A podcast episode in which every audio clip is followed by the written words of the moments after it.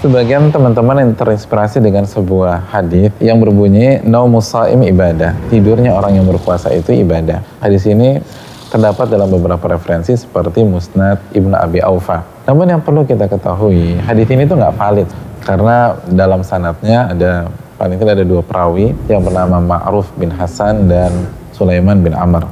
Itu poin yang pertama. Poin yang kedua, kalau niatnya tidur siang atau yang biasa dikenal dengan kailula, maka itu sunnah Nabi SAW. Tidur sianglah karena syaitan tuh nggak pernah tidur siang. Tapi sebentar aja, nggak usah lama-lama.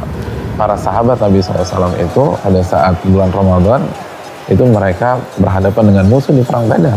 Jadi ketika kita asik-asik berlelap-lelap ria, mereka mempertahankan agama Allah Subhanahu wa taala. Jadi masih banyak amalan yang bisa kita lakukan. Kita bisa doa, kita bisa sholat-sholat sunnah mutlak, gitu loh. Kita bisa sholat duha, kita bisa baca Quran, kita bisa murojaah juga, dan banyak sekali amal ibadah yang lain.